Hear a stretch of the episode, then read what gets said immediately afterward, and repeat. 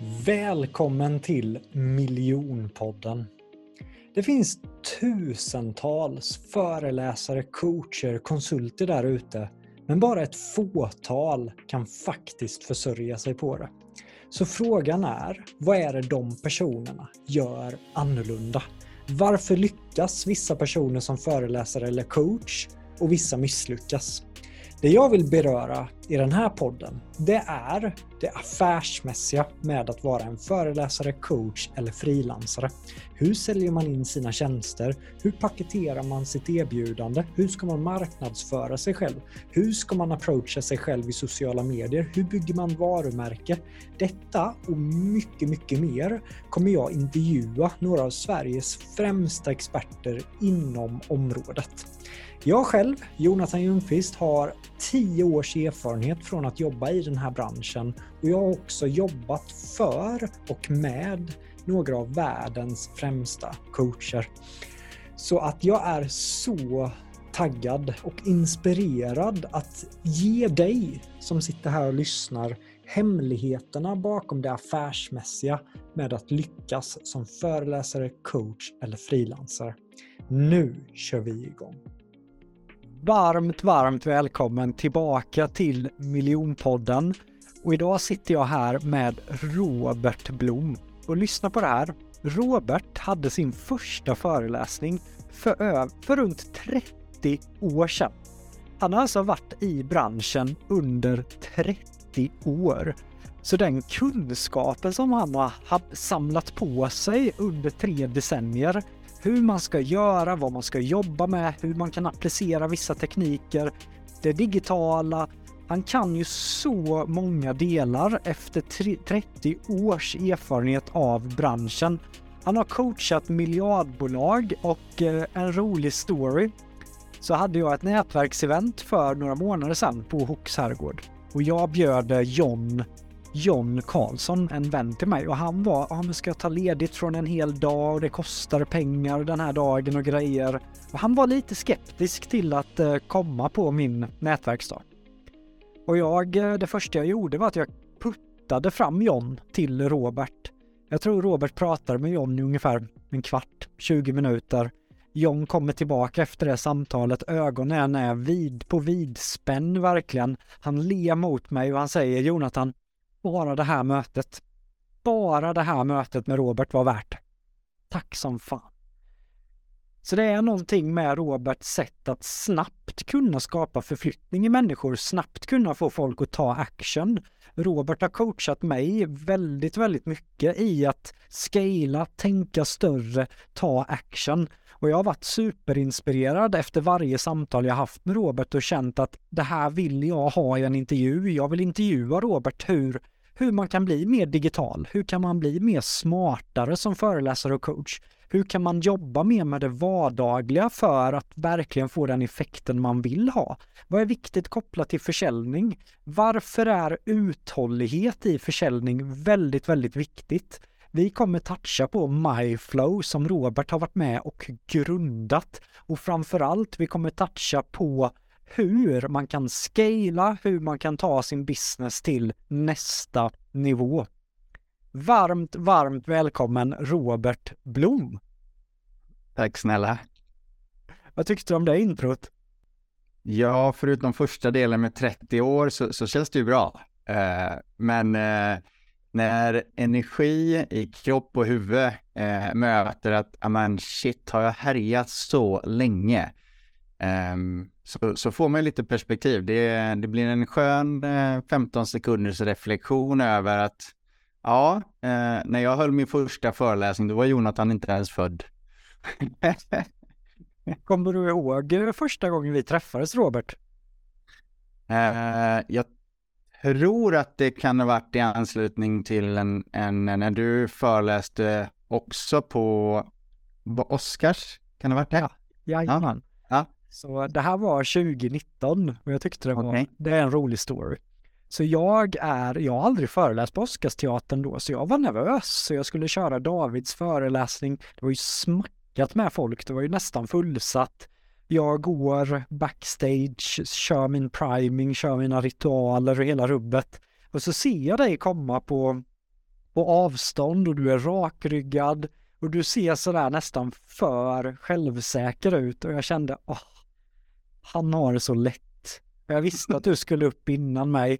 Vi kommer fram, du säger, tjena, ska du också köra idag? Jag säger ja. Men jag är nervös, sa jag till dig. Och så frågar jag dig Robert, är du nervös? Och du, och du skrattar och sa nej, jag är för gammal för sånt där, för det är jag inte. Och sen gick du upp och fullständigt briljerade på scenen och jag kände bara wow, vilken, vilken lirare. Sånt självförtroende vill jag också ha. Kommer du ihåg det? Ja, det gör jag och, och, och försöker att reflektera över vad är det som gör ett självförtroende och mångt och mycket så, så tror jag det bara landar ner i att du, du äger ditt resultat eh, och du vet att det, det, det som är min intention är förankrad i min leverans. Och, och någonstans, mitt första yrke var ju handbollsspelare och jag känner igen mig själv när jag går in på scen eller jag ska in och göra någon form av performance till andra människor så, så är det väldigt, väldigt likt det som var när man står i spelargången, man ska in, det är x antal tusen personer på läktarna, eh, det finns en förväntan, det finns det där liksom som, som nästan går att ta, ta på i luften. Eh, och, och det där antar jag att över tid så vänjer man sig och så länge jag är förankrad i att jag vet att min intention är god och jag vet att jag levererar en förflyttning, då, ehm, då har jag ingenting att vara nervös för. Eh, utan då är det ju bara att rocka allt vad man orkar och ha vansinnigt roligt i anslutning till det. För det är ju, det är ju magisk känsla att vara där liksom. Det, I like.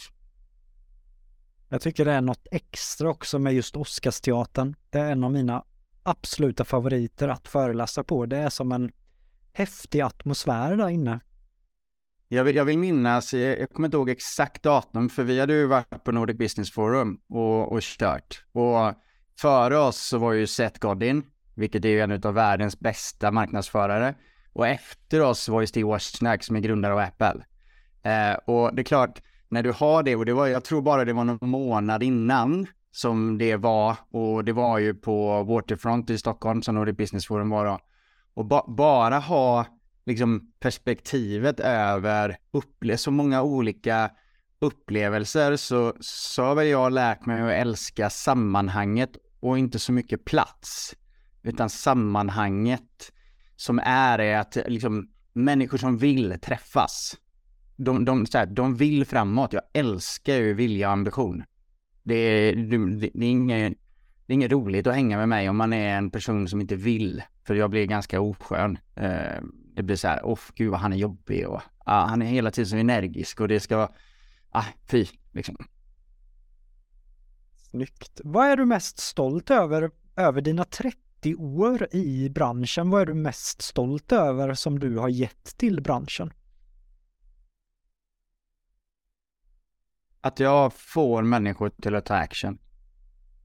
Det vet jag är genomgående eh, och jag vet att det är en av de finaste sakerna som går att göra när det kommer till en, så här, ett, ett slitet ord, hållbarhet. Men jag vet att när, när helst jag har varit i farten så landar det i att det är ingenting som slutar när jag lämnar. Och det är jag stolt över. Jag lämnar aldrig med något tomtebloss. Jag lämnar med en praktisk kunskap över att ta sig vidare. Och det är jag jättestolt över.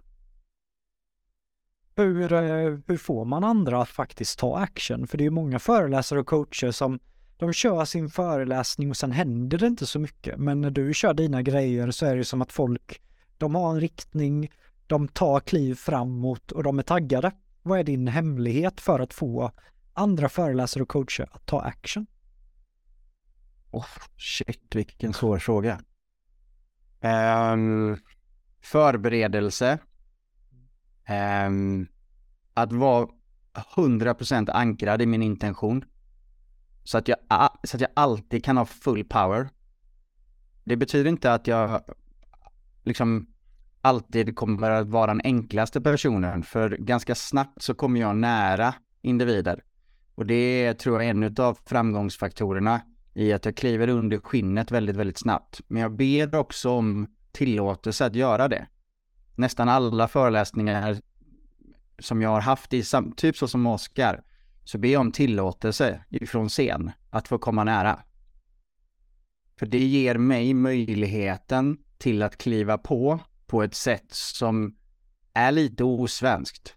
Men bara jag är ankrad i min intention fullt ut och sen så är bra mina förberedelser och ber om lov så, så, skapar man en plattform för att människorna ska kunna vara i, i en tillit till att okej, okay, det här är en, en säker stund, inte någon, någon brötig person som bara liksom står där uppe och tar för sig, utan det här är för mig. För jag är där enkom för dem. Hur, hur gör du när du då ber, får jag komma nära? Är det så du framar det? Får jag komma nära er och vara extra rak eller hur, hur framar du det? Ja, det är, eh, det är väldigt likt det du säger. Det beror sig på såklart om det är liksom mm, tusen pers eller 3000 personer eller om det är 500 eller om det är 50. Det är ju lite olika såklart för att kan ju kännas lite märkligt om det är 3000 personer som, som sitter och lyssnar och, och, och, så ber man om det här. Då får man framea det lite längre så man får ett sammanhang och man får beskriva någon gång som det är att det här har jag gjort tidigare på det här sättet. Då fick du som sitter och lyssnar den här möjligheten till att följa med. Då tar det lite längre tid. Men jag höll en utbildning igår och i förrgår. Det var ju en jätteliten grupp av peak performers som hav, hade verkligen för intention att ta sig själv framåt. Och då är det det första jag gör i början på dag ett. Det är att be om tillåtelse till att komma nära och vara direkt och rak. För det ger möjligheten till att ta bort det här med att man blir irriterad på mig. För när jag kommer så nära och kommer så hastigt inpå eh, och inte det finns en tillåtelse i det, då kan man ganska snabbt få upp liksom fighting spirit och tycka att jag, nej, det där är en konstig person. Men har jag börjat med hjärtat och sen kliver på med intentionen över att göra gott för personen som, som lyssnar, då sänks garden ganska snabbt. Så ja, jag framade motsvarande det du gjorde. Ja, det gör jag. Snyggt. Vad, eh, vad säger du till, eh, säg att, eh, så att jag heter Kalle, jag är en föreläsare och coach, omotiverad, jag har drömmar och lyckas i branschen, men jag får inte tummen ur, jag tar sovmorgon, jag orkar inte ringa. Vad skulle du säga till Kalle för att få Kalle att ta action, Robert? Här kommer en liten kuggfråga. Åh herregud, jag har inte ens gjort det. Jag har sagt till honom att sluta ta ett jobb. Det är ingen idé att du ens fortsätter med, med, med de tendenserna. Gå och landa någon annanstans, hitta din motivation, längtar du tillbaka till det här som du är omotiverad i, då kan vi höras av. Det är ingen idé om du ens inte slår på din egen hunger och din egen motivation. Gå, gå och hitta ett jobb. Gör, gör någonting till dig där du, där du hittar det här som gör att, att du åtminstone känner dig motiverad. För de grundläggande delarna som du nämner här, har man inte dem så kommer du inte lyckas här. Och då, då är det bättre att gå någon annanstans och komma tillbaka om du är sugen. Snyggt. Återigen kommer Roberts rakhet in. Du, du sa ju till mig att innan intervjun att en av de sakerna du är mest stolt över är att du har varit passionerad och älskat ditt jobb, ditt ämne under 30 år. Vad gör du själv i vardagen för att sätta dig i ett CRM till exempel eller med något tekniskt för att bibehålla motivation? Eh, orsak verkan. Rätt av. Vil, vil, vilken verkan, vilket resultat vill jag skapa? Eh, gå tillbaka till idrotten. Det finns ingen, ingen person som lyssnar här eller som någonsin har varit i en reflektion kring idrott som inte tror att det finns en förberedelse och en planering där. Alla de som lyckas. Och där blir det så enkelt i den här metaforen att förstå. För jag brukar ta metafor med allsvenskan och korpen. Vem är det som tränar? De som spelar i allsvenskan eller de som spelar i korpen? Ja, nej men det är ju det är ju de som spelar allsvenskan. Okej, okay, men hur mycket tränar du? Ja, vad menar du träna? Ja, träna på din expertis. Ja, nej men det gör jag inte så mycket. Okej, okay, men hur mycket förbereder du för dig själv så att du kan lyckas? För det, ja, alltså nej, jag hatar det starkt ord, men jag tycker inte om administration. Och jag är inte speciellt bra på administration. Men jag vet att det finns en orsak-verkan i administration som gör att jag når till de nivåerna och de höjderna som jag, som jag vill nå. Då kan jag ju inte, kan inte skita i det. Det är som att säga, nej, jag tycker inte om att springa i tre plusgrader när det regnar intervall, för jag, jag tycker inte om det. Nej. Nej, okej. Okay. Grattis, första steget till att inte lyckas. Check på den. så, så träna även på saker som man inte tycker om, som man känner nej, nej, inte träna. Du behöver inte träna på CRM, gör det. För det är en, det är en, det är en rak, alltså, det korrelerar mellan orsak och verkan för det resultatet som du vill skapa. Gör du det inte, och många gånger så kan man, så ställer jag frågan, what's the cost of no action? Mm. Alltså vänd på det, inte så här, åh jag måste göra det här. Nej men vad händer om du inte gör det? Ja men det händer det här, det vill jag inte ha. Nej, vad bra. Pick one. Sluta göra det så svårt för dig. Välj skitvägen eller välj bra-vägen. Bra-vägen kommer vara lite jobbigare. Den gillar jag verkligen. Vad händer om du inte gör det? För det är ju många i mina kurser och som jag jobbar med som, som tänker att nej men struktur är inte viktigt eller en infrastruktur är inte viktigt, system är inte viktigt. Jag vill bara föreläsa, sälja, göra min grej. Men då blir det ju, vad händer om man inte gör det? Då tappar man ju affärer. Man kommer till en nivå där det blir kaos om man inte har systemen och är strukturerad. Eller vad säger du där? Äh, nej, det, det, det, det, är, sen, det är en påhittad eh, eh, drömmiljö där det går att med mycket energi trycka sig igenom under en kort period. Men när du väl börjar lyckas under den perioden, du inte haft struktur, du har inte eh, kanske haft ett CRM där du, där du sköter dina kundrelationer, där du har koll på, du börjar prata med fler och fler människor, du kommer inte ihåg vem du har sagt vad till. Helt plötsligt så blir det bara en stor stoppa. Och så undrar du hur hamnar det här? Och många trycker mer gas när det här händer. Ännu mer energi, ännu mer kraft. Och så försöker man ta igen den pissiga, ursäkta, eh, administrationen med någonting som är mer energi. Och det slutar aldrig väl liksom. Aldrig någonsin. Vi kommer att prata mer om, för vissa kanske inte vet vad ett CRM är, men jag tänker att vi kommer tillbaka till det när vi pratar om MyFlow också, mer specifikt, vad är ett CRM? Så vi, ja, vi kommer tillbaka absolut. dit och jag är nyfiken nu Robert, din, din resa började ju för 30 år sedan i den här branschen. Vad var det som gjorde att du blev en föreläsare, coach, utbildare? Det var eh, återigen handbollen. Eh, jag hade ju förmånen att komma med i pojklandslaget och U-landslaget. Eh, och då var det precis i Bengan Boys-delen. Så att eh, handbollen i Sverige hade fått en väldigt, väldigt uppfart. Vi hade blivit världsmästare. Och det landade ner i att den här lilla 18-åringen eh, var ganska kaxig eh, och tyckte att livet var ju allmänt härligt. Och så var det någon som frågade, ja men ni är ju bra på det här med målsättning i idrotten. Kan inte du komma till oss och prata om målsättning? Ja, det kan jag göra. Ja, nej, vi kan inte ge dig mer än 5000 kronor för att du kommer och gör det. Och, och det är så här, really? Ska du ge mig 5000 spänn för jag ska komma till er och prata om målsättning, någonting som jag typ äter varje dag? Och hur länge, hur många dagar ska jag vara där? Nej, nej, nej, nej, nej en halvtimme. Jag bara, Yes, I'm coming. Inga konstigheter. Och där började det, så att egentligen under de hela första tre åren så pratade jag väldigt mycket målsättning och peak performance. Alltså vad var det, vad ingredienserna för att skapa en peak performance?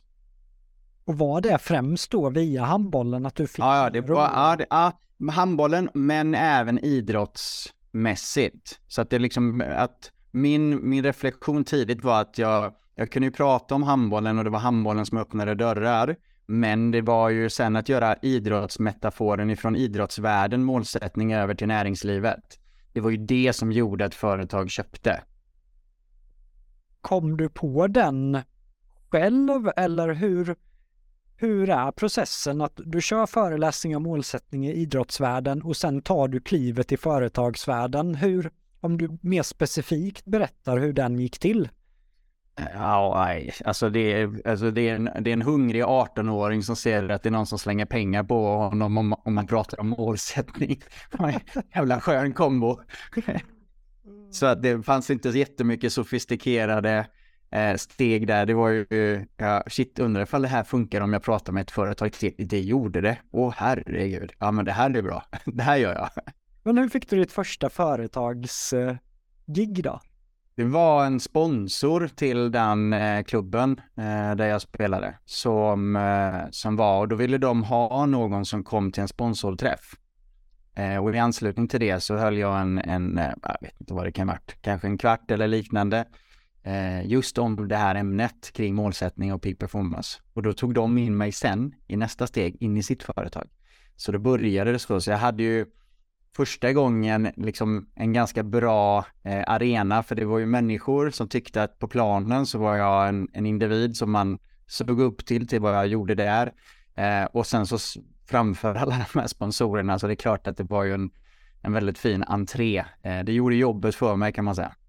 Snyggt. Vad var, vad var din största takeaway på just målsättning i den föreläsningen? Oj. Kommer du ihåg det? Ja, ja, Nej men alltså det har ju varit hela vägen, målsättning startar med att äga ditt resultat. Och äga ditt resultat, det alltså det, jag mantrar det fortfarande idag. Inom de här två dagarna med utbildning jag hade igår och i förrgår, det var samma sak. Äg ditt resultat, det är det vi lär ut på de business bootcamp som vi har nu i MyFlow. Då lär vi ut. Äg ditt resultat och 2xa. Det vill säga dubbla din vinst, dubbla din omsättning, halvera dina antal timmar som du lägger till admin, eh, till admin eller vad det nu är. 2xa, lär dig 2xa. Vi är alldeles för mesiga oftast i vårt sätt att tänka, ja jag ska gå upp här med 20% i nästa år. Alltså de allra flesta som, som är soloföretagare kan med enkelhet dubbla sin vinst om du vill äga ditt resultat. Nu vet jag att det är jättemånga som kommer tycka att jag är inte så trevlig när jag säger det här, men i själva verket när du väl dissekerar din egen vardag, när du tittar hur, hur många timmar har du i sociala medieapparna, när du väl börjar titta hur mycket är det som du faktiskt gör, tar du ägandeskap över de tråkiga sakerna, hur ser det ut och så vidare och så vidare. När jag väl har coachat eh, individer som vill nå framåt så är det inga konstigheter. Så att äga ditt resultat var ju redan, alltså för 30 år sedan någonting som som var centralt i målsättning, för det, det är målsättning. Äga ditt resultat är 100% kopplat till målsättning. Snyggt. 2xa. Jag har ju hört eh, Grant Cardone prata om att man ska 10x. Ja, men då är du, då är du över pölen, vet du. Då, är det, då ska allting vara stort och större och fantastiskt. Och... Vad, eh, vad tycker du Robert att jag ska göra för att jag ska 2xa? Jag gjorde ju ungefär 2,4 miljoner nu senaste i omsättning. Ligger bra just nu för att hitta 4 miljoner men det kommer bli kämpigt märker jag. Vad, vad tycker du att jag ska göra för att eh, 2xa, du som ändå känner och vet vad jag gör? Det, det, först och främst så får du välja vilket, specif- alltså vilka kanske max två specifika områden som du vill 2xa. Och sen så är det inte att man kommer på idag och sen startar du imorgon. Utan 2Xa har och kräver också sin förberedelse, kräver sin planering. Så att man inte har bråttom in i det. Men jag ska säga första delen i en sån process, det är att välja. Vad är det du ska 2Xa? Ska du 2Xa och halvera din admin-tid för att du misstycker admin? Okej, okay, bra. Då behöver vi gå över på systemsidan. Vilket systemstöd har du? Hur ser det ut? Vad, vad kan du göra och så vidare. Vill du 2xa din vinst? Ja, men då behöver vi börja titta på vilka tjänster, vilka produkter är det som du har? Kan vi göra mer på en digital framad produkttjänstesida som gör att du ökar marginalen på de uppsäljen som du har i anslutning till andra tjänster? Hur kan det, alltså, så det bygger på, eh, det går inte att säga att ja, men du ska göra X, Y, Z, utan ett, välj vart du ska 2xa. Det vill säga, vart ska du bli dubbelt så bra som du var föregående år? När du väl har valt de två, max två områden per år, för mer mäktar man inte med. Och du ska, du ska liksom inte ha den här ambitionen över att allting ska hända direkt. Alla, alla, alla överskattar vad man kan göra på väldigt kort tid. Och alla underskattar hur mycket man kan göra på lång tid. Ja men där föll poletten ner, ner för mig vad du menar där att det måste inte vara omsättningen just utan det kan vara Nej. kategorier i sin business. Till exempel Sibbe Silvén fick ju mig att faktiskt 5xa min digitala, alltså coachning, eh, poddar, jag är ju nästan ja. 90% digital just nu och jag gick från att få ångest för att slå på en webbkamera till att stoppa i wifi till att Sibbe coachade mig. Det här ska du köpa. Så jag kör ju webinars, det är poddar, det är som ibland 16 timmar på Zoom. Och jag känner mig så trygg i det digitala för att vi satsade stenhårt på det blocket och nu ger det valuta. Ja, exakt så. Och då kanske inte det är två exa innanför det som du ska göra nästa år för det blir Nej. lite svårt. Fast jag är ju taggad. Jag och Sibbe Alltså så jävla spännande nu. Vi håller på att kolla på VR-coachning, hur vi då kan, när jag coachar och bygger folks ja. föreläsningar så skickar vi en VR-briller till kunden så tar de på sig så går vi ut på en publik, de får riktiga känslor, vi kan ja. prata och, och det går jag igång på. Och den vill vi 5xa. Den ska du nog faktiskt höja till 10xa. Den hade varit det är ingen som gör det. Eh, jag har ju sett det. Nu säger jag också det, nu kommer säkert massa. Nej, nej men alltså det, det, här är, det här är ju ett område som kommer och då kan du lägga liksom AI uppe på det också. Så har du individualiseringen, du har liksom kontexten, att den, den här föreläsaren ska vara innanför en stor publik. Den här föreläsaren ska vara en mindre workshop som den ska liksom, så att du kan ju kontextuera allting på ett väldigt, väldigt bra sätt. Och det är ju ingen som har tagit det greppet. Det är några få, jag vet McKinsey och Boston härjar ju lite där. Men jag menar, de är ju mer på Enterprise-bolag som de kör till. Eh, så att eh, tillgängliggör det för de som, som finns i, i liksom kanske topp 20 procent utav eh, av föreläsarna som vill, inte topp 20 procent i inkomst, topp 20 procent föreläsarna som vill, vill, mm. med st stora bokstäver de kommer kunna anamma det här eh, och göra någonting med det. Och det här är väl en alldeles utmärkt sak mm. att lägga in i produktportföljen. Absolut. Ja, klockrent. Jag älskar, det är så här jag märker att jag har fått ut, eh, ja men under våra samtal, när du kommer in i coachen Robert, då kommer du in i mm. flow. Då tänker du inte riktigt på att det som det rekordas. Jag, jag gillar när du börjar coacha, för då känns det som att du blir ännu bättre. Så det får du gärna fortsätta med under samtalet.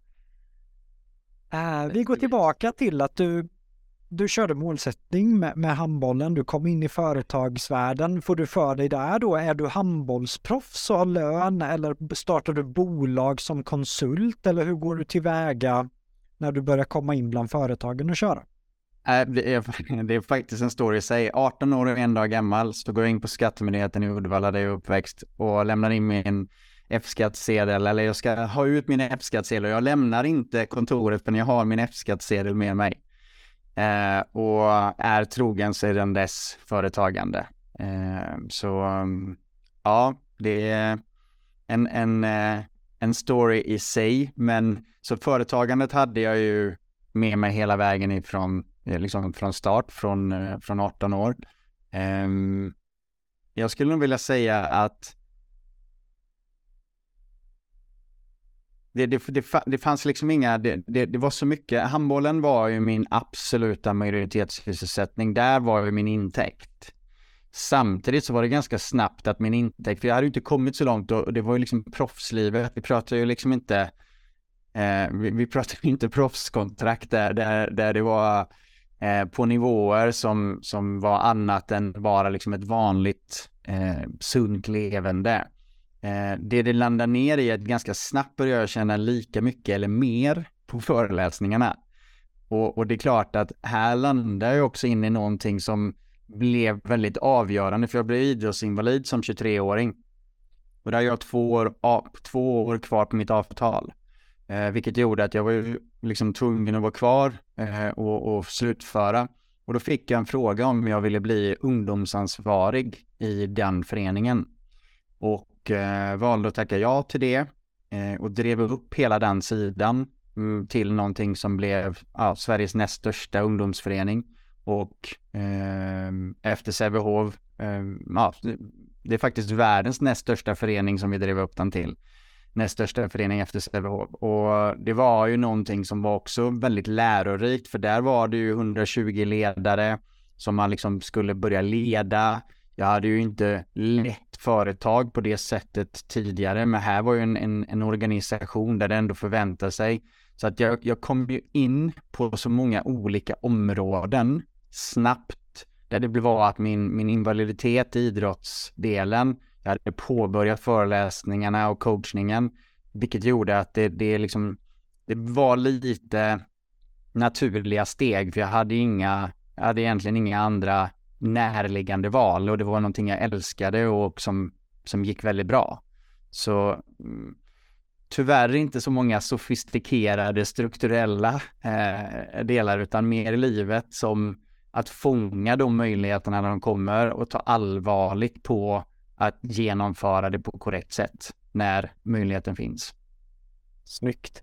Nej, men det är, det är väldigt inspirerande för, för många som lyssnar och har hört av sig till mig och säger att de just älskar den frågan. Hur, hur började allting? Eh, ja, men vissa gick via skolor, vissa körde gratisföreläsningar, du gick igenom här och, och folk får kreativa idéer hur de själva kan ta just det där första steget som är så viktigt. Har ja. du någonting du vill skicka med där Robert för dem som, som vill det här jättemycket? De vet bara inte riktigt vart ska de kliva fram någonstans? Oftast har de ju ett ämne som de är väldigt passionerade för och, och också säkra i. En expertis på något sätt som är en, en del av det underläggande drivet för att, att komma ut med det här och på olika sätt och vis kunna försörja sig på det. Håll fast vid den och sen så gör en kanske inte riktigt lika rolig del och gör en, en, en ordentlig prospektering, segmentering för vilka är dina faktiska kunder. Eh, blästa inte ut och, och gå på bredd och, och liksom tro att man ska liksom eh, slänga ut lite till, till alla, utan våga att specificera dig, våga att nischa dig, eh, våga gå kanske ännu smalare än, än det du har mod till för att bli relevant för de människorna som är och borde köpa dina tjänster. Eh, det är den, den absolut viktigaste delen som jag ser att flest misslyckas i från början. Det är att man blir alldeles för bred och, och alla har nytta av mina tjänster. Ja, fast välj de som har mest nytta då.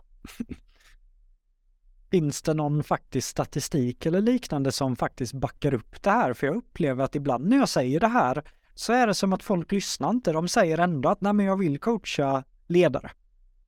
Okej, okay, men vilka ledare? Eller är det någon sorts stil i ledarskapet? Bara, nej, men ledare.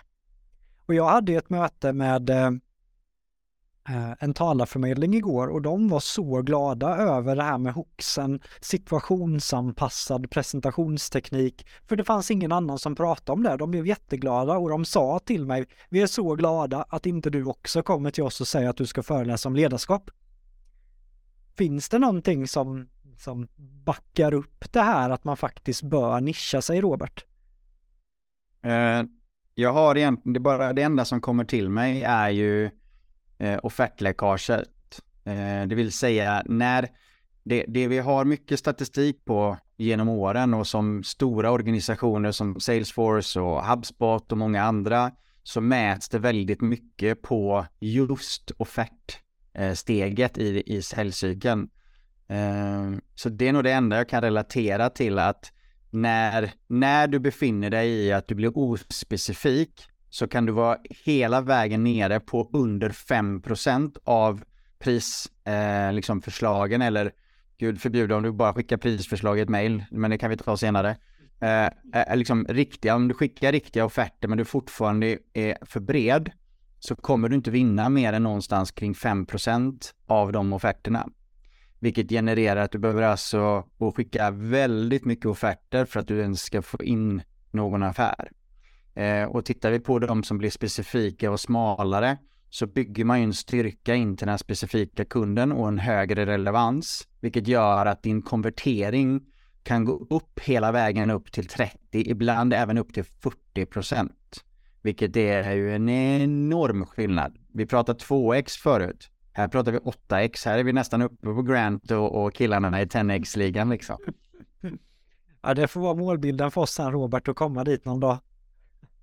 Ja, jag, jag, jag vet inte. Jag, jag, det, det, där är, det där är till och med för brötigt för mig liksom. Eh, att, att vara och verka och gapa ut 10 och så här. Jag, jag diggar, jag fattar varför de gör det. Eh, och jag har varit så många år internationellt och varit väldigt nära. Jag menar, Sherry som, som var med Why They Buy var ju eh, på de stora scenerna och var ju en utav key speakers på de åtta bästa i världen. Och det är klart att har kommit så nära den, eh, den branschen har man också lärt sig vad som är på baksidan och det där är ju inte bara vackert alltså.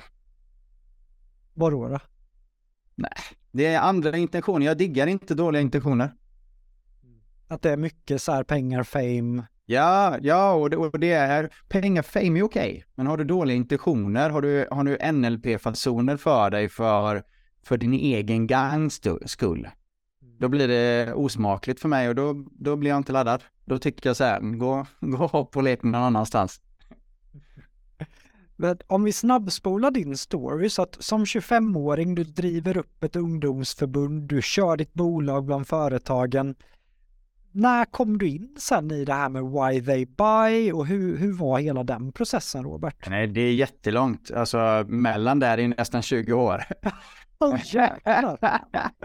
så, så, inte riktigt. Nej, vi kan inte, vi kan inte gå in på, på alla de olika delarna. Nej, men det är så här, sy systematik, eh, analys, eh, att förstå orsak, verkan, att, att vara i, eh, att, att sätta ut ett mål. Eh, för, alltså, vi har ju drivit upp bolag i så många olika branscher.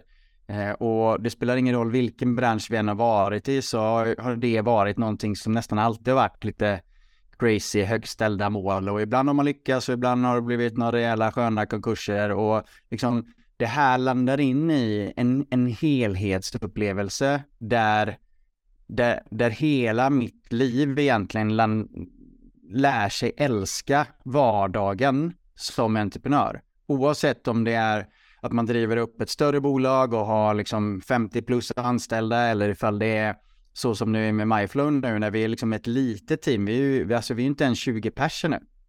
Och, och det, det, liksom, det landar ju in i, det, det är olika, olika delar men ändå väldigt lika. Älska vardagen. Älska den. För gör du inte det så kommer du inte orka. Lite team på 20 pers, det tycker jag låter mycket. Vi är ja, ja. fyra i mitt team och jag bara, ja. du har 20 pers. Ja, fast det var, det var inte min mening och, och, och, och, eh, och, och det var absolut inte min intention att säga det på det sättet, utan det är ju jämförelse med vad jag själv har gjort och vilka andra sammanhang som jag själv har varit. Det var ju jämförelsen. När insåg du att du verkligen har den här entreprenörsådran på allvar? För jag kan tänka mig där efter idrottsförbundet att att det säkert kom någonting några år senare där du kände att shit, jag är verkligen riktigt bra på det här med att bygga bolag? Nej, men det var mycket tidigare. Alltså vi satte ju upp, vi hade vår första affärsplan som 18-åringar för en galleria i den staden jag bodde.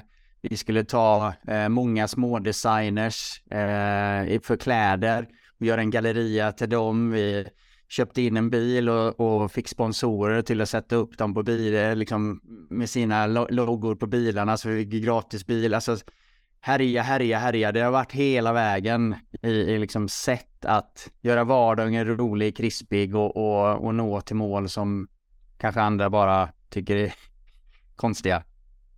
Mm, fattar. Ja, men det, det tycker jag är spännande med personer som dig som har som har gjort någonting så länge i så många olika former. Och då är det som att vad du än skapar för bolag just nu så kan du ju entreprenörskapet och då kan du ge dig in ja. i allt möjligt och det pratade ju Rickard Deler mycket om också som går in i restaurangbranschen och det är kläder och allt möjligt. Men han sa ju det att ja, men jag kan bygga business och då spelar det ingen riktig roll vilken bransch eller liknande utan jag kan bygga företag och det är det jag älskar och det får jag ju samma känsla med, med dig att du hade säkert kunnat startat ett skrivbordsföretag och lyckats.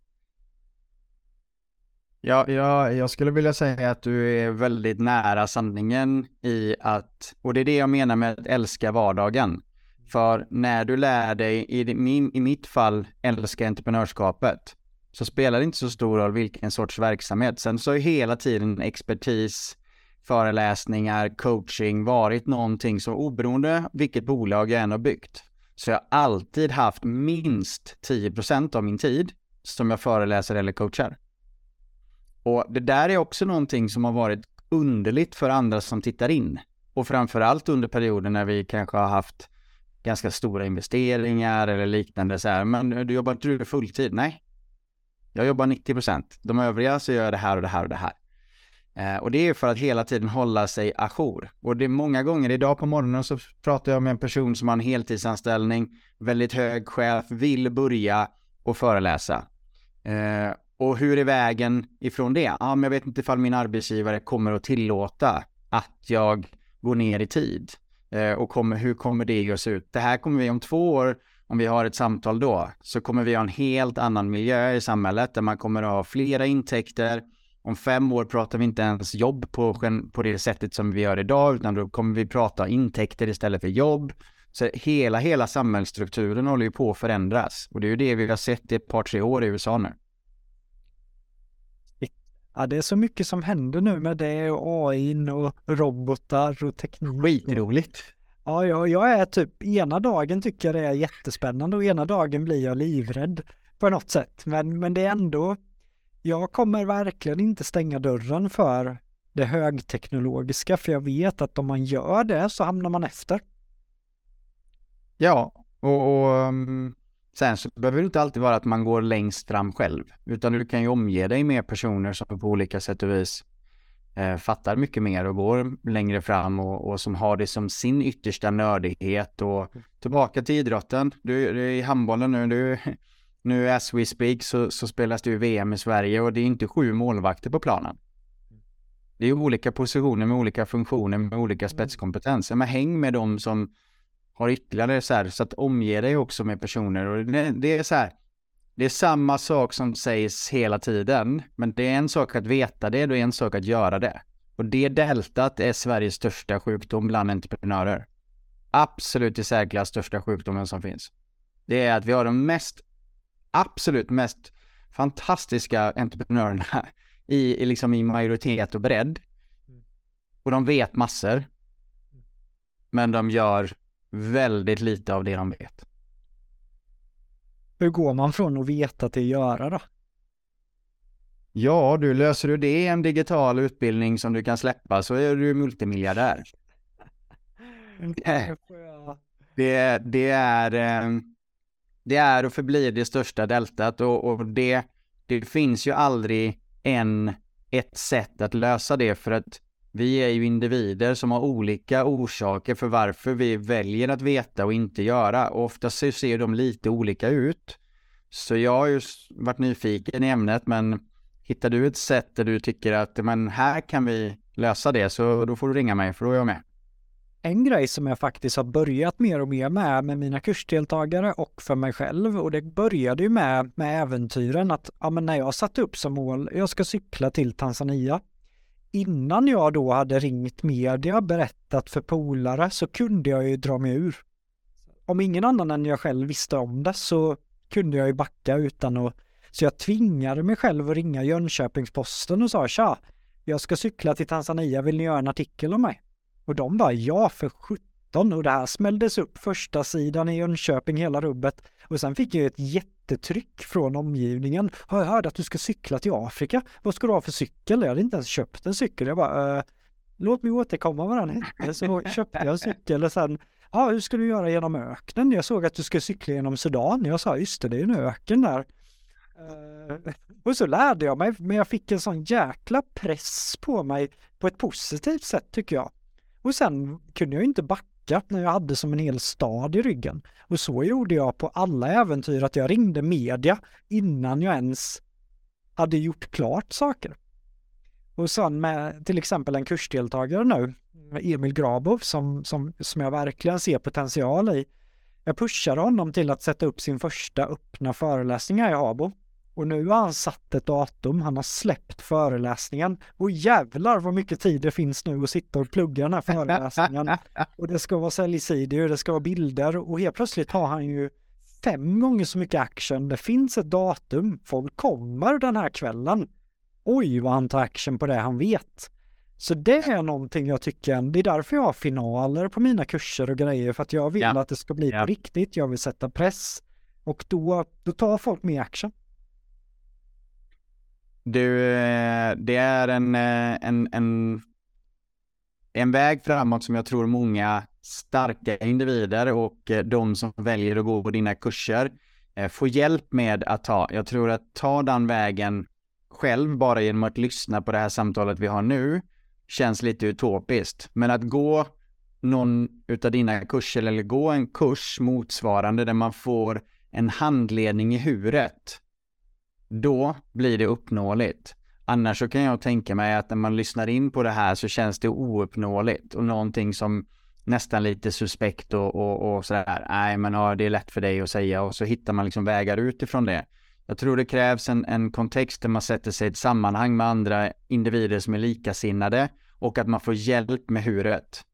För motivation, inspiration och strategi, ja, det kan man oftast så här, hyfsat hitta själv och man kan inspirera sig och man kan liksom ta det framåt. Men den stora frågan är ju huret. Hur, hur tar jag mig dit? Hur vågar jag, hur vågar jag göra det? Um, och där tror jag det är både hållbarhetsmässigt och eh, i sin helhet så är huret en av de viktigaste sakerna som oftast är underskattat. Vi ska prata why och det är Simon Sinek och alla ska veta sitt why och det är hej och hå, sen är det vad. Eh, och när vi har kommit igenom badet så kommer huvudet som en sån fet jävla smocka rätt i fejan. Och då är det ju att, åh herregud, vad, hur gör jag det här? Och då backar du. Och sen kommer en ännu eh, jobbigare smocka efter huvudet, det är vem?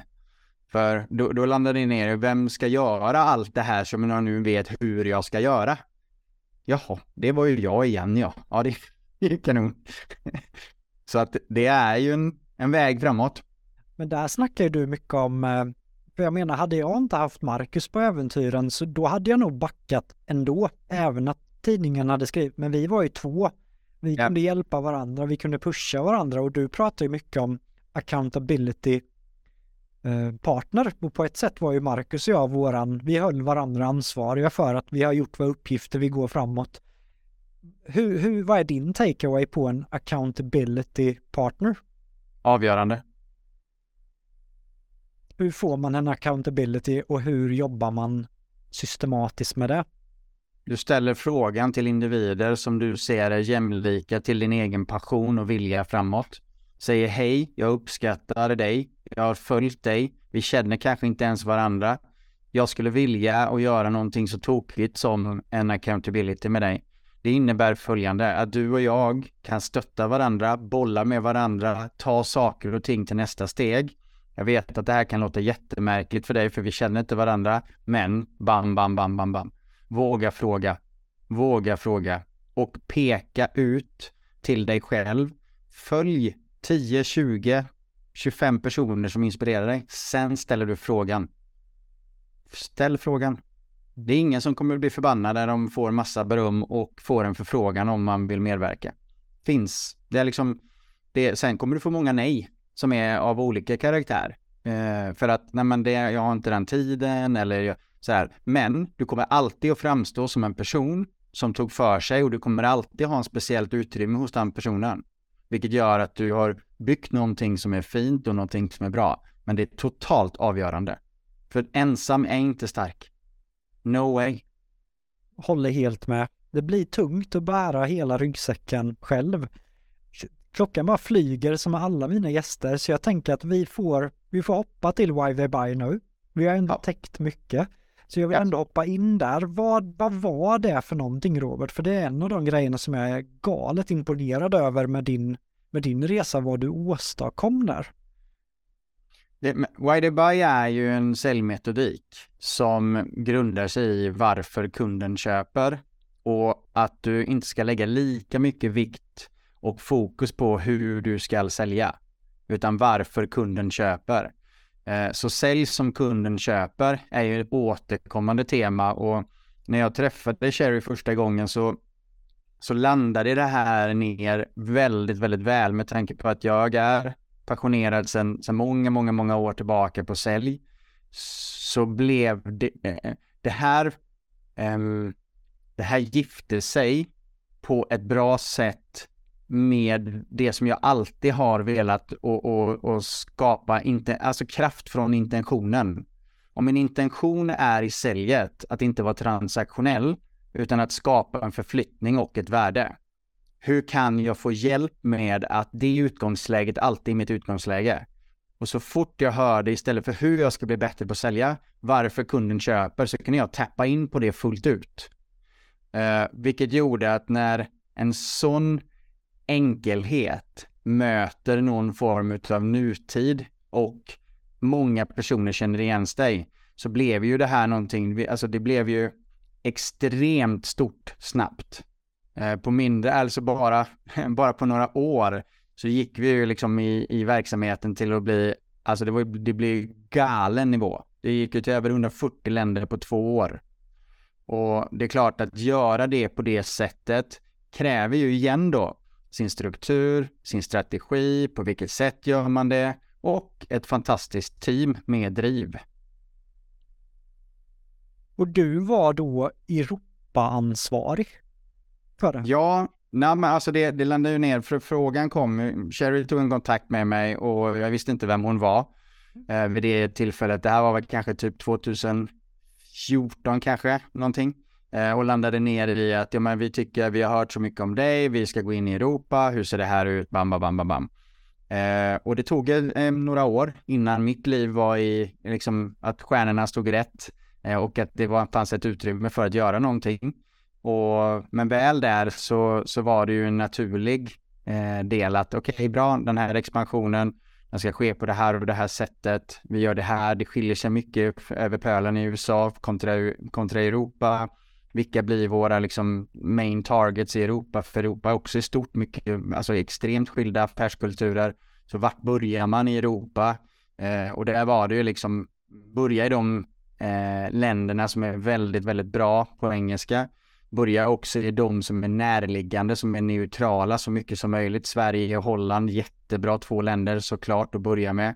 Och sen kliver man vidare in i England, Slovenien, Estland som är primärt de högteknologiska länderna i, i Europa och på det sättet få med sig liksom en svung in det. Så att man, igen, strategi före action, eh, inte action först. Men hela, hela businessen var att ni hade då train the trainers alltså instruktörer som åkte ut och ja. utbildade inom Why They Buy och de hade då, hade ni provision eller hur, hur funkar det? Eh, det är ju precis, vi gjorde egentligen en rak copy på Stephen Covey. Eh, Stephen Covey var ju en av de absolut största när det kom till train the trainer eh, utbyggnaden i världen och hade ju redan på olika sätt och vis visat vägen och, och en av mina deviser hela vägen från start och tillbaka till handbollen är kopiera framgång. Varför ska jag lära mig någonting på en, den hårda vägen, och göra det själv om jag kan titta på vem är bäst i världen? Ja, men det är den. Okej, okay, då kopierar jag den till en viss grad och sen så lägger jag de sista 20-30 procenterna med min egen touch och på det sättet skapa någonting eget. För det finns ju ingenting som inte har funnits tidigare. Ja, det är lite teknikdelar och etc. Men annars är det, finns ju inget nytt under solen. Det är nya paketeringar.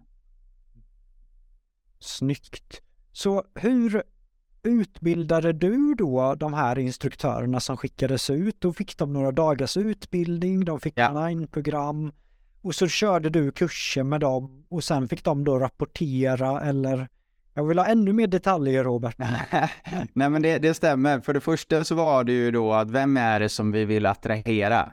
Vad är det för personer som ska köpa in? För att det här var ju eh, det skiljer sig väldigt mycket från Sverige för det här var ju certifieringar som kostade flera hundratusen. Eh, och, och sen så hade en, en yearly fee som också var sexsiffrigt. Och det är klart att, att vara i det läget och gå in i Europa så måste man ha tag i, och så vi, vi siktade primärt på eh, managementkonsulter som ville ha någon form av adderande verktyg in i sin portfölj som man hade, så de hade en existerande kundgrupp. Så att de kunde snabbt och enkelt komma ut med någonting mer som var revolutionerande så de kunde bredda Eh, sin möjlighet att vara attraktiva. Vi hade en digital del så att de kunde börja och skapa passiva intäkter. För det visste vi att kommer vi in med en ny möjlighet som kan skapa en passiv intäkt istället för bara timme för alltså tid för pengar, tid för pengar, tid för pengar, för det var de vana vid, så hade vi en ytterligare eh, stickiness i det. Eh, och sen därefter så är det precis som du säger, då handlar det om att träna upp dem och därefter hålla dem accountable till de målen som vi gemensamt sätter upp och, och sådär. Så att det är korrekt. Och hur många hade du då som du liksom tränade upp under den här tiden?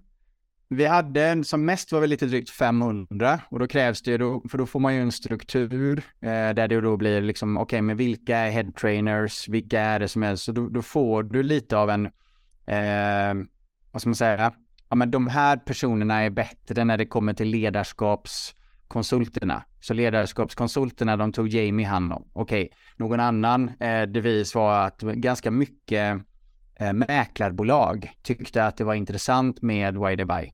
Varför då? Jo, därför att man hamnar ofta i en situation varför kunden köper och det är en ganska high ticket eh, close som man gör, vilket gör att här finns en träningsvilja. För att om du closar en affär till med säljare på jeans till, ja det är inte så noga, men för en mäklare som kan stänga tre till sex affärer till per år som är high, high, high ticket. Ja, helt plötsligt så är ju den här kunskapen värd flera hundratusen, om inte miljoner, för den enskilda personen. Och då kommer träningsviljan, för det är ju det som är den stora eh, och påverkande delen. Det var ju att få en organisation först, hur kan vi träna alla så bra som möjligt? Hur kan vi få in rätt personer till att träna rätt kunder och på det sättet komma närmare och få en förflyttning? Så um, igen, struktur, struktur och, och, strategi. Det känns som att vi hade kunnat snackat hela avsnittet om, alltså det kanske vi får ta senare då, att vi bara pratar om the trainer trainer koncept. Också för att jag själv är ju jättetaggad på att göra det både för miljonkursen och för hookkursen. För att om det var någonting som stressade mig förra året så var det som att businessen hänger på mig. Blir jag sjuk? Ja. Folk har betalat flera, alltså jättemycket. Tiderna är här.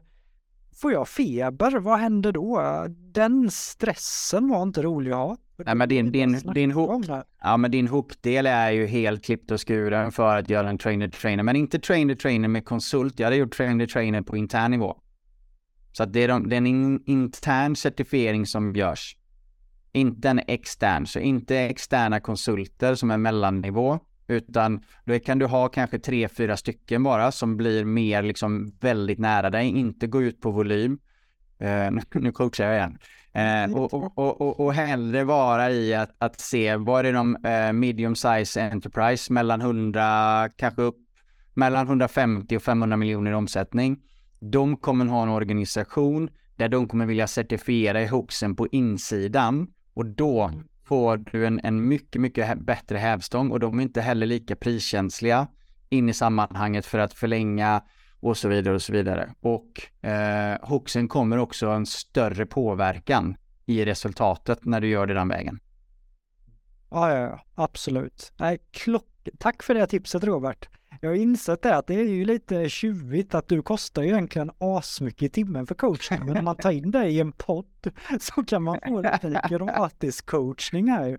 Det är perfekt. Nej, det där är mycket spännande. Jag har påbörjat nu med Erik Bergström som du har träffat, att han har varit med nu på flera företagsgig där jag kör kursen. Han plöjer digital, han ska ha en pilotkurs. Så att processen är i rullning där och det känns väldigt spännande verkligen. Men från den här succén, Sky's the limit, vad får dig då att lämna Why Buy och satsa på MyFlow? Um, ja, det, det är en pandemi emellan där. Uh, och vi, vi landar ju någonstans i att, att göra saker och ting internationellt har ju också ett slitage. Det är inte bara bara. Uh, och det kan vara kul att, att, landa upp i olika kontinenter på olika dagar, men när du landar upp i en hotellsäng och du inte vet vilken kontinent du är, då är det inte så jävla roligt längre. Eh, och, och det, det liksom det kom till en gräns där det är så här, ja det är kul, men, och när det männet kommer in, då, då får man vara där och agera på det och inte bara plöja vidare. För då tappar du det här som jag var inne på från start, grit, känslan att du älskar vardagen. Direkt du tappar den så kommer du inte orka. och det kommer att direkt visa sig. Så att där, där var det liksom att, att få en, en, en ärlighet till mig själv som, som alltid och, och att ta de avgörande besluten, gå vidare, eh, göra det med en kram och en high five eh, och liksom inte klippa bandet men att klippa den operativa bandet. Eh, för det är någonting som jag alltid vill ha med mig att om jag ringer någon som jag har samarbetat nära om 17 år och säger jag behöver att du är i Uruguay imorgon. Då vill jag att de säger ja. Och att göra det krävs att under den tiden man du har samarbetat med personer så är det tillit. Det är förtroende. Det är att ställa upp där, vara där. Eh, och det är verkligen någonting som jag håller högt även när jag avslutar någonting. Att vara direkt, att vara rak. Att det inte blir några försök till att ducka tuffa beslut. Säg som det är och, och, och ta tag i det och, och var kärleksfull samtidigt som du vågar att säga som det här. Det här funkar inte för mig. Jag mår inte bra i det här. Och, och liksom putta över dig själv till att ta beslutet. Så att sen kom pandemin och då hade vi precis, eh, innan pandemin så hade vi precis eh, haft eh, Hela Sverige säljer. Och det var ju Hela Sverige säljer som sen blev Hela Sverige samlas när pandemin slog till. Så, och under pandemin så lärde vi ju känna alla de här fantastiska experterna i Sverige eh, som jag inte hade, eh, hade ju nästan inget nätverk i Sverige tidigare eh, på det sättet. Eh, utan här var det ju en, en, katapult in i att lära känna massor av Sveriges bästa föreläsare, coacher, konsulter, utbildare. Och helt plötsligt så började det säga, men, men hur, hur jobbar du med det här? Hur jobbar du med det här? Och någon, den ena efter den andra tittar på mig med typ som en fågelholk bara, vad fan pratar han om? Och då började jag, men vänta nu. Så du har ingen infrastruktur kring din expertis som gör att du kan skala. Du har ingen digitalisering som gör jobbet för dig, som kan vara ditt vem, istället för att du själv ska göra allting. Du har liksom, och det här började och ganska tidigt började vi att skissa på, okej okay, med våran erfarenhet från att bygga eh, techplattformar och, och, andra digitala liksom, bolag. Vad är det för någonting som marknaden är mogen för? Om den här pandemin håller i sig och vi får ett ändrat köpbeteende från marknaden, vad är det de här experterna kommer att behöva då? Jo, de kommer behöva en, en digital infrastruktur för att digitalisera sin expertis. Om de inte har det så kommer de få det skittufft. Har de det så kommer de få det lättare. Till och med så kommer de kunna ha nya tjänster och produkter där de bygger någonting som de aldrig någonsin har varit i närheten av. Och det här blev utgångsläget för MyFlow. Så att, eh, ja. Eh, jag vet inte ifall det svarar på din fråga, men det var i alla fall resan, resan till MyFlow. Jag tycker på något sätt det väver samman så här från handbollen till att driva upp det till Why They Buy, att det känns som att hela ditt liv ligger till grunden också för att nu då kunna göra MyFlow till någonting fantastiskt för just den här branschen. Ja, det finns ingen annan som kommer att kunna göra det lika bra. No way. Den gruppen människor som vi är, med den erfarenheten, med den kunskapen som vi har, med den förståelsen och kärleken som vi har in till den här yrkeskategorin. No way att någon annan kommer göra lika bra. Det här är liksom vi pratar så många tiotusentals timmar samlat i teamet med erfarenhet och kunskap. Det finns inte en pinal, det finns inte en millimeter i en experts liv som inte vi förstår. Noll. Och det var ju en av anledningarna till att jag gick in som investerare i MyFlow är ju mycket på grund av teamet. Hade inte du varit driven, hade inte Oscar funnits så hade jag inte känt samma förtroende. Men bara det Oscar gjorde för en av Australiens största föreläsare får vara med på Carwin Roes resa från ingen till till att bli en världsguru. Och det är som bara att Oskar har den kompetensen, se vad som hände där och kan ta in i MyFlow. Du kommer med hela ditt liv och din erfarenhet och sen är ni 18 personer till. Så det var verkligen teamet, för du pitchade in det här till mig innan det var klart, så jag hade ju inte så mycket att gå på när jag investerade. Men jag gick igång på gruppen av människor som, som ligger bakom det här och jag går igång på att, det är, att vi är i Sverige. Och helt plötsligt kan vi påverka, vi kan skapa någonting tillsammans.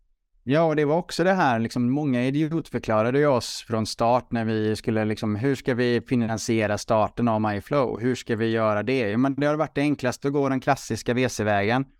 Ja, men, någon form av finansiering i en externt kapital. Istället så valde vi att göra en founding member paketering där individer som förstår fullt ut vilka vi är, vad vi står för, på vilket sätt och som kan ha en gemensam nytta framåt. De fick komma in så att vi får en kollektiv intelligens som är totalt transparent. Det var någon som frågade mig, hur transparent är du? Du kan se taxikvittona. Det är liksom, det, det är ingen gräns. Det är all in. Jag frågade ju Chris eh, Pettersson som också är en stor delägare i, i MyFlow innan jag skulle investera frågade jag honom hur mycket litar du på Robert? Eh, och då sa Chris jag litar på Robert med mitt liv. Oj. Okej, okay, ja, bra, det kändes bra att höra. Vart, eh, vad tror du MyFlow är om fem år? Um, oh, fem år är för lång horisont för det kan, det kan du liksom inte, då blir det så här wishlist. Jag är inte så bra på, på wishlist-delarna, men, men om ett år, ja, ett år så, så, så, så, är vi en, eh, absolut en, en, en känd eh, plattform i Sverige för kategorin experter som vill och har stora ambitioner och skapa en, en enklare vardag till sig själv. Som vill 2xa, som på olika sätt och vis vill äga sitt resultat. Vi har satt, det vi, vi vi lanserar faktiskt nästa vecka, 1% Movement. Här vill vi nå 1% utav marknaden. Det finns 118 000 experter i Sverige som säljer kunskap. Där vill vi nå 1% utav dem. Så cirka 1000 personer vill vi hänga med. Som ett år så är vi definitivt tusen personer, alltså experter på plattformen eh, och sen så är det ju många, många, många, många, många fler användare och företag. Men just experterna är ju våran absoluta partner. Eh, vi har inte ens kunder, vi har partners. Jag vägrar att se oss som en leverantör. Vi är en partner. Mm. Det, det, jag tycker också är häftigt med eh, MyFlow är ju att nu till exempel innan MyFlow så hade jag ju ett offertsystem på en plattform med ett helt eget system ett system för CRM, jag måste logga in där, jag måste logga in på offertsystemet, jag måste logga in på en landningssida. Men MyFlow samlar ju allting under ett och samma tak, så du behöver logga in en gång och sen är det samma språk, samma kundsupport, vilket kommer spara massivt med, med tid framförallt. Ja, och framförallt eh, systemet är ju byggt för att göra många av de tyngre lyften för dig. Så matar du in smarta bra saker så lovar jag att våra algoritmer kommer att accelerera det by far. Eh, och det kan du aldrig få i en, en tech-suit där du har sex, åtta olika leverantörer. Men har du en partner där du, där du på riktigt känner att det är en partner. Så, och det är det här som redan börjar sprida sig. Ja, men vi har en väntlista. Vi släpper inte ens in experter. Det enda sättet att komma in det är ifall du blir inbjuden av en annan expert på plattformen. Vi lanserar ju förlanseringen 9 mars. 31 mars är officiell lansering. Det är redan över 300 experter inne på plattformen. Det har varit ett problem. För vi har ju inte byggt upp supportavdelningen så den kan matcha den efterfrågan som kommer. Så vi, vi jobbar ju allihop på supporten och bara hjälper till och hjälper till och hjälper till. Eh, så, ja. Det är så roligt, i mitt community nu så börjar ju folk verkligen använda MyFlow och Adam hade ju suttit en hel dag och bara ja, jag fattar inte det här, jag skriver till Robert. Jag bara, jag vet inte om du ska skriva till grundaren med en fråga med landningssidan. Ja, då sa han, han svarar snabbt. Så jag fattar att det är fullt upp, men jag gillar ju när man bygger sina system och allting med målgruppen också. Och det gör ni ju verkligen nu i, i det här skedet. Uh, nej, inte i det här skedet. Alltid. Ja, Alltid. Snyggt. Nu ska vi se här, vi har touchat på det här, vi har touchat på det här, vi har touchat på det här. Du, du, du. Är det något du vill tillägga Robert? Som du vad, tror, vad, vad, vad tror du har varit det viktigaste som vi har pratat om idag för lyssnaren att ta med sig? Du känner dina lyssnare ett steg till. Om vi, om vi skulle hjälpa till att paketera ner, vad tror du är det viktigaste Nej men att, få, att få tummen ur och börja göra. Och när du var med på mitt event där på Oxargård så var det många som sa det att ja, vi gillade Roberts rakhet, han är så tydlig och ibland behöver man få någon som slår till en lite på kinden och säger kom igen nu, ryck upp dig framåt. Ibland behöver man den personen och det känns ju verkligen som att du är den personen.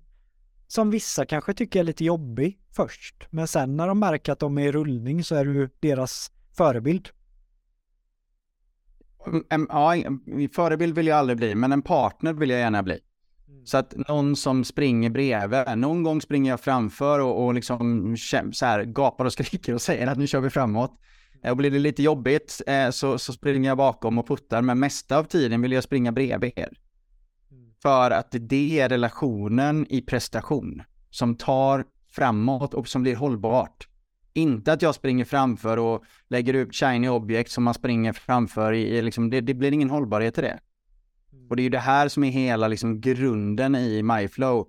Visst, vi bygger en techplattform, absolut vad vi gör. Men den är så fullmatad i DNA i, som kommer från oss som människor. Så att det, det, liksom, det finns inte en millimeter i plattformen som inte har just den här approachen. Snyggt. En grej du kan få avsluta med är ju i alla fall för du skrev ju till, mitt, till mig på mail att ja, men det är en väldigt bra läge just nu att vara en expert, att vara en person som säljer kunskap. För många tror att ja, men det varit pandemi, det, nu är dåliga tider, nu är lågkonjunktur och hela rubbet. Vad, vad är din, ditt budskap där? Det är, det är den bästa tiden som finns när helst det är att du är tydlig. Blir du otydlig så är det den värsta perioden som finns. För då kommer du att snabbt fasas bort. Är du tydlig så kommer det vara någonting av den enkla anledningen till att de stora konsulthusen går väldigt, väldigt, väldigt mindre bra. Det är de pragmatiska, praktiska experterna som redan har gjort det de pratar om som kommer att vinna i de närmsta två till tre åren. Och här är det att ha en outreach, det vill säga att ta en kontakt, vara tydlig, och gå och, och var inte för bred när det väl är att du liksom sätter till till dialogen till kunderna. Så det är ett smörgåsbord. För det är, och, och så länge det är också att du, nu pratar jag med, som part i målet såklart, att du har ett, en, en teknikstack som jobbar för dig. Så att du släpper alla systemtrauman och tekniska trauman som du har jobba med någon som förstår dig fullt ut. Och där är ju våran affärsmodell fantastisk. Du behöver inte lägga en spänn för att bli bevisad att vi förstår dig fullt ut. Och bara som en, så här, vi hade en, en avslut igår på, på utbildningen, så var det två frågor. Den ena frågan var de tyckte, eh, om, eller en av många frågor på, på slutet var vad de tyckte om mig som, som liksom höll utbildningen. Jag landade in på 4,78 av 5,0 i snittbetyg. Och om vi förstod dem som experter fick vi 5,0. Och det här är en av de viktigaste delarna. Det är att känslan över ja, du förstår mig. Ja, fullt ut förstår mig. Då släpper vi liksom garden och vi lägger på tilliten och då kan vi börja ösa. För det finns ingen i Sverige som är expert som inte jag kan hjälpa till att äga sitt resultat och 2xa. Du är en riktig pitchare du Robert. ja, fast jag vet inte ifall det är pitch. Det är ju det är liksom så här, det är ja, det är ju sant. Det är sant, du lägger korten ja. på bordet. Du, du gör det du har pratat om hela, hela avsnittet. Jag tänker att vi lägger en länk till MyFlow också för föreläsare, coacher, konsulter som vill kika in MyFlow här precis. Nej, vi gör, det, vi gör det bättre än så. Vi kommer köra bootcamps nu som är en och en halv dag. De här släpper jag vanligtvis inte in på, förutom om du är expert på plattformen. Så, eh, och de är totalt kostnadsfria. Så jag har alltså kört en och en halv dags utbildning helt kostnadsfritt för experter. Vi kommer att ha två sådana till i Stockholm eh, och kanske en till i Göteborg. Så lägg ut den och så får, får ditt community fylla på med de som är laddade. Men eh, be ready. När ni väljer att investera den tiden till er själv eh, så kommer det vara noll investering i kronor. Men kommer du inte dit med noll investering till dig själv så skit i åk dit. Du skickar den länken till mig. Vi lägger sen under Ja. avsnittet.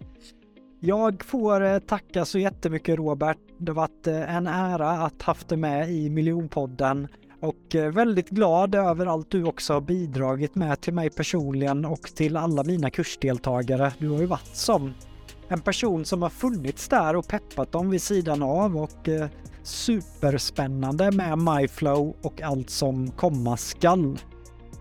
Tack för idag Robert. Hoppas du haft ett bra, en bra eftermiddag med mig. Absolut, absolut. Tack så mycket också och eh, se till att äga ditt resultat och 2x nu. Jag ska försöka. Tack. Bra det. Hej. Ha det gött. Tja!